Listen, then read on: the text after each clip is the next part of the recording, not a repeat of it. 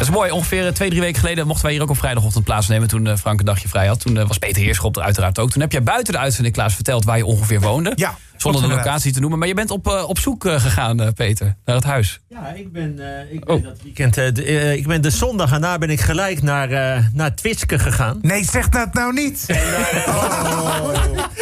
Want daar woont hij. en, eh, ja, ah, schitterend. Hij- En je bent altijd welkom, dat is het mooie. Voor iedereen ook, hè? Iedereen die langsloopt, Ja. je kunt zwaaien. Biertje en dan krijg je halen. wat. Ja. En eh, ik heb het niet gevonden. En zondag, zondag ben ik naakt aan het turnieren, dus... Ja, dat eh, weet je ook. Dus Nee, maar ja. eh, het, eh, ik heb eigenlijk helemaal zijn huis niet gevonden. Dat staat ergens verstopt. Maar het, eh, het, het zette mij wel aan tot... eh, oh, daar ga ik ook weer eens heen. Ja. Die, die kant, Noord-Holland, hartstikke mooi. Mooi natuurgebied Ja, in, inderdaad. in de weilanden van Noord-Holland. Ja, Ja, fijn. komt niemand tegen, is ook Nee. mooi. Nee. Jij, Chris, jij, jij zit midden in Utrecht nu. Dat is, eh, je hebt een beetje last van je buren ook, of niet? Ja, dat klopt. ik heb eh, mijn buren, dat zijn studenten. Ja. En die, die fase ben ik net voorbij. Dus ik snap helemaal waar ze in zitten. Alleen ik heb niet zo heel veel zin om daar last van te hebben. En dat heb ik toch. Zij hebben ook vannacht weer tot kwart voor drie met elkaar in de tuin. En onze tuinen zitten zo dicht na- naast elkaar. Dat lijkt alsof ze in mijn tuin staan. En ik heb alles gehoord. Ik ken hun namen. Ik weet wat hun vader verdient. ik weet ze? Joris, Max. En eh, ja, ik pak ze ook gewoon. Maakt me niks meer uit. Ja. Goed zeg. Joris en Max. Wat fijn. Eh, fijn dat je er bent, eh, Peter. Ja, ik vind het ook fijn. En de sfeer is goed. Er wordt al, dus iedereen zit al stevig aan het bier, zie ik. Nou, één biertje, hè? Eén biertje. Nee, ja, het staat er. Maar er, is nog, er zijn weinig slokjes genomen.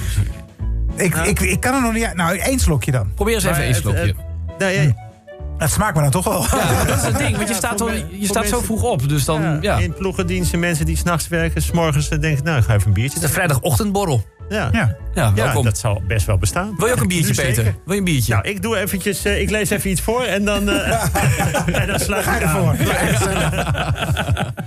Ta ta ta ta ta. Lieve Marianne, maandag 27 april. Het is Koningsdag vandaag en toch ben ik niet totaal brak opgestaan. Hoe komt dat? Nou, simpel. Er was geen Koningsnacht hiervoor. Ik was namelijk gisteravond gewoon thuis. Ik heb iets gegeten.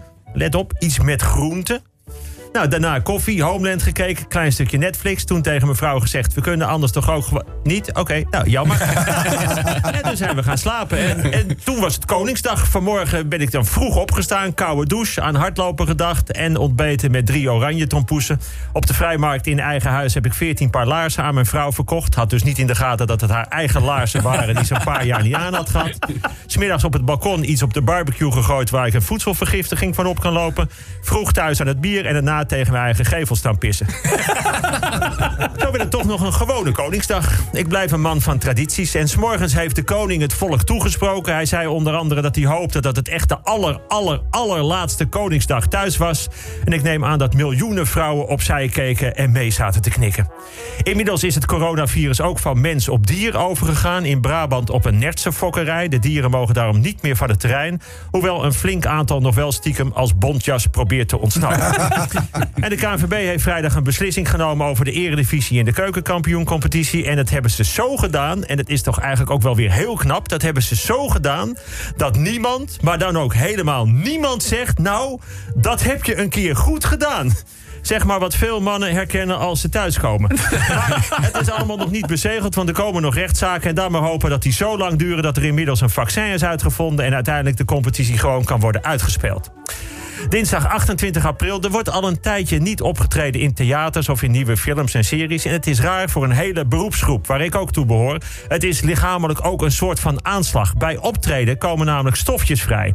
Een optelsom van doodsangst, genot, twijfel, bezwering, uitdaging, succes en bevestiging. En het is een heel sterk verslavend middel. Daarom gaan bepaalde mensen ook heel lang door. Veel te lang. Je kunt er allemaal wel een persoon bij bedenken.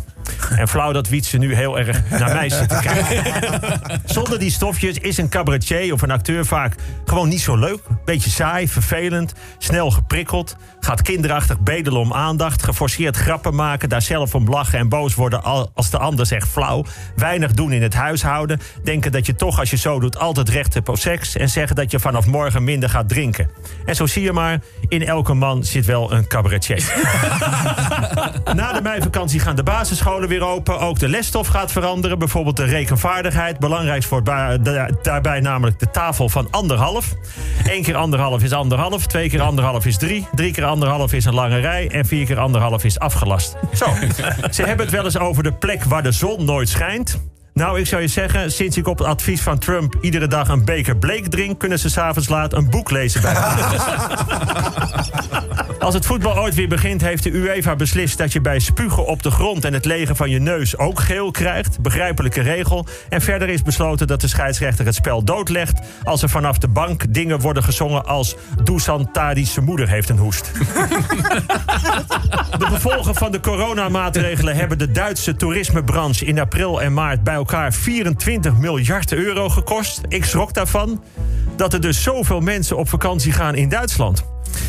In Frankrijk zijn twee agenten zwaar gewond geraakt door een terroristische aanslag. Je zou het bijna vergeten. Er zijn natuurlijk ook gewoon nog terroristen. En die zitten verschrikkelijk te balen. Die willen heel graag angst verspreiden. Maar mensen zijn over de hele wereld veel banger voor iets heel anders. En het is bovendien ook heel leeg in Frankrijk op straat. Dus je loopt als terrorist nu echt een beetje verloren voor lul met je bomgordel. En de beloning in de hemel is ook heel anders. Vroeger kreeg je 79 maagden. Nu allemaal uitgewoonde 90-plussers uit de risicogroep. Woensdag 29 april, er is een versoepeling. IKEA is ook weer open. Lange rijen bij de IKEA in Delft. Ze zeggen daar wel dat ze het aantal beschikbare bedden hebben opgehoogd naar 2400. Ook bij dieren is er behoefte aan versoepeling. De dolfijnen in Harderwijk bijvoorbeeld missen echt het publiek. Zoals een volle neef van Flipper het mooi verwoordde.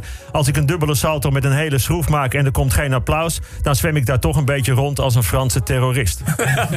Mensen willen versoepeling. Hashtag MeToo is inmiddels ook al veranderd in hashtag... ik zou wel weer eens gewoon zomaar op welke manier dan ook worden aangeraakt. En eh, ja, wat is het doel? Weten wij nog wat het doel is? Nou, de legendarische keeper Eddie Pieter Schraafland is overleden. Schitterende keeper met een helder doel dat hij ook vaak schoon wist te houden. Donderdag 30 april. Verrassend wat ze nu weer hebben uitgevonden. Uit onderzoek blijkt dat er een verband is tussen COVID-19 en een hormoon dat kan leiden tot haaruitval. Het gaat vooral om overmatige activiteit van mannelijke hormonen. En dat leidt tot een kaal hoofd, maar ook tot een volle baard en veel borsthaar. Dus zie je vrouwen met een volle baard en veel borsthaar, hou dan voldoende afstand. Een ruimterots van 2 kilometer doorsnede is vlak langs de aarde gevlogen, namelijk op 6,3 miljoen kilometer afstand. Dat heet in astronomische kringen vlakbij. Als je als voetballer 150.000 kilometer naast het doel schiet, dan roept een astronoom nog. "Oeh." Voor een, astronoom, voor een astronoom zitten de peilingen van Maurice de Hond zelfs vlakbij. Vrijdag 1 mei, het is de dag van de arbeid. Ja, makkelijk praten, maar dan moet je nog wel werk hebben. Premier Rutte heeft al gezegd dat mensen zich moeten voorbereiden op veranderingen. Dat ze na moeten denken over ander werk waar meer behoefte aan is. Nou, het zou kunnen, er zit iets in. Ik was een keer in India, toen kon dat nog. Ik kwam met een bus aan in een klein dorpje, stap de bus uit samen met Fico. We zijn echt de enige twee toeristen. Nou, daar, daar, er, staan al, er staan 150 rickshaw-rijders die allemaal aan onze kop beginnen te zeiken dat we met hem mee moeten, want ze hebben al weken geen klant. Ik zeg, ja, waarom sta je hier dan tussen 149 anderen? Dan ga je toch ergens anders staan? Nee, want daar komt helemaal niemand. Ik zeg, nee, hier ook niet. Je gaat toch wat anders doen? Nee, zegt hij, dat kan niet, want ik ben rickshaw-rijder. Snap je? Ik was er op een markt van drie kilometer met 600 tenten die allemaal bananen verkochten. En maar klagen. Ik zeg, waarom verkoop je dan geen appels of peren? Nou, zegt die Indië, omdat dit een bananenmarkt is. Mensen, als het erop aankomt, dan moet je veranderen. Maar ik vraag me ook af, waarin? Nou, dat lijkt me een mooie vraag om komende dagen eens goed bij stil te staan. Tot volgende week. Dankjewel, Peter.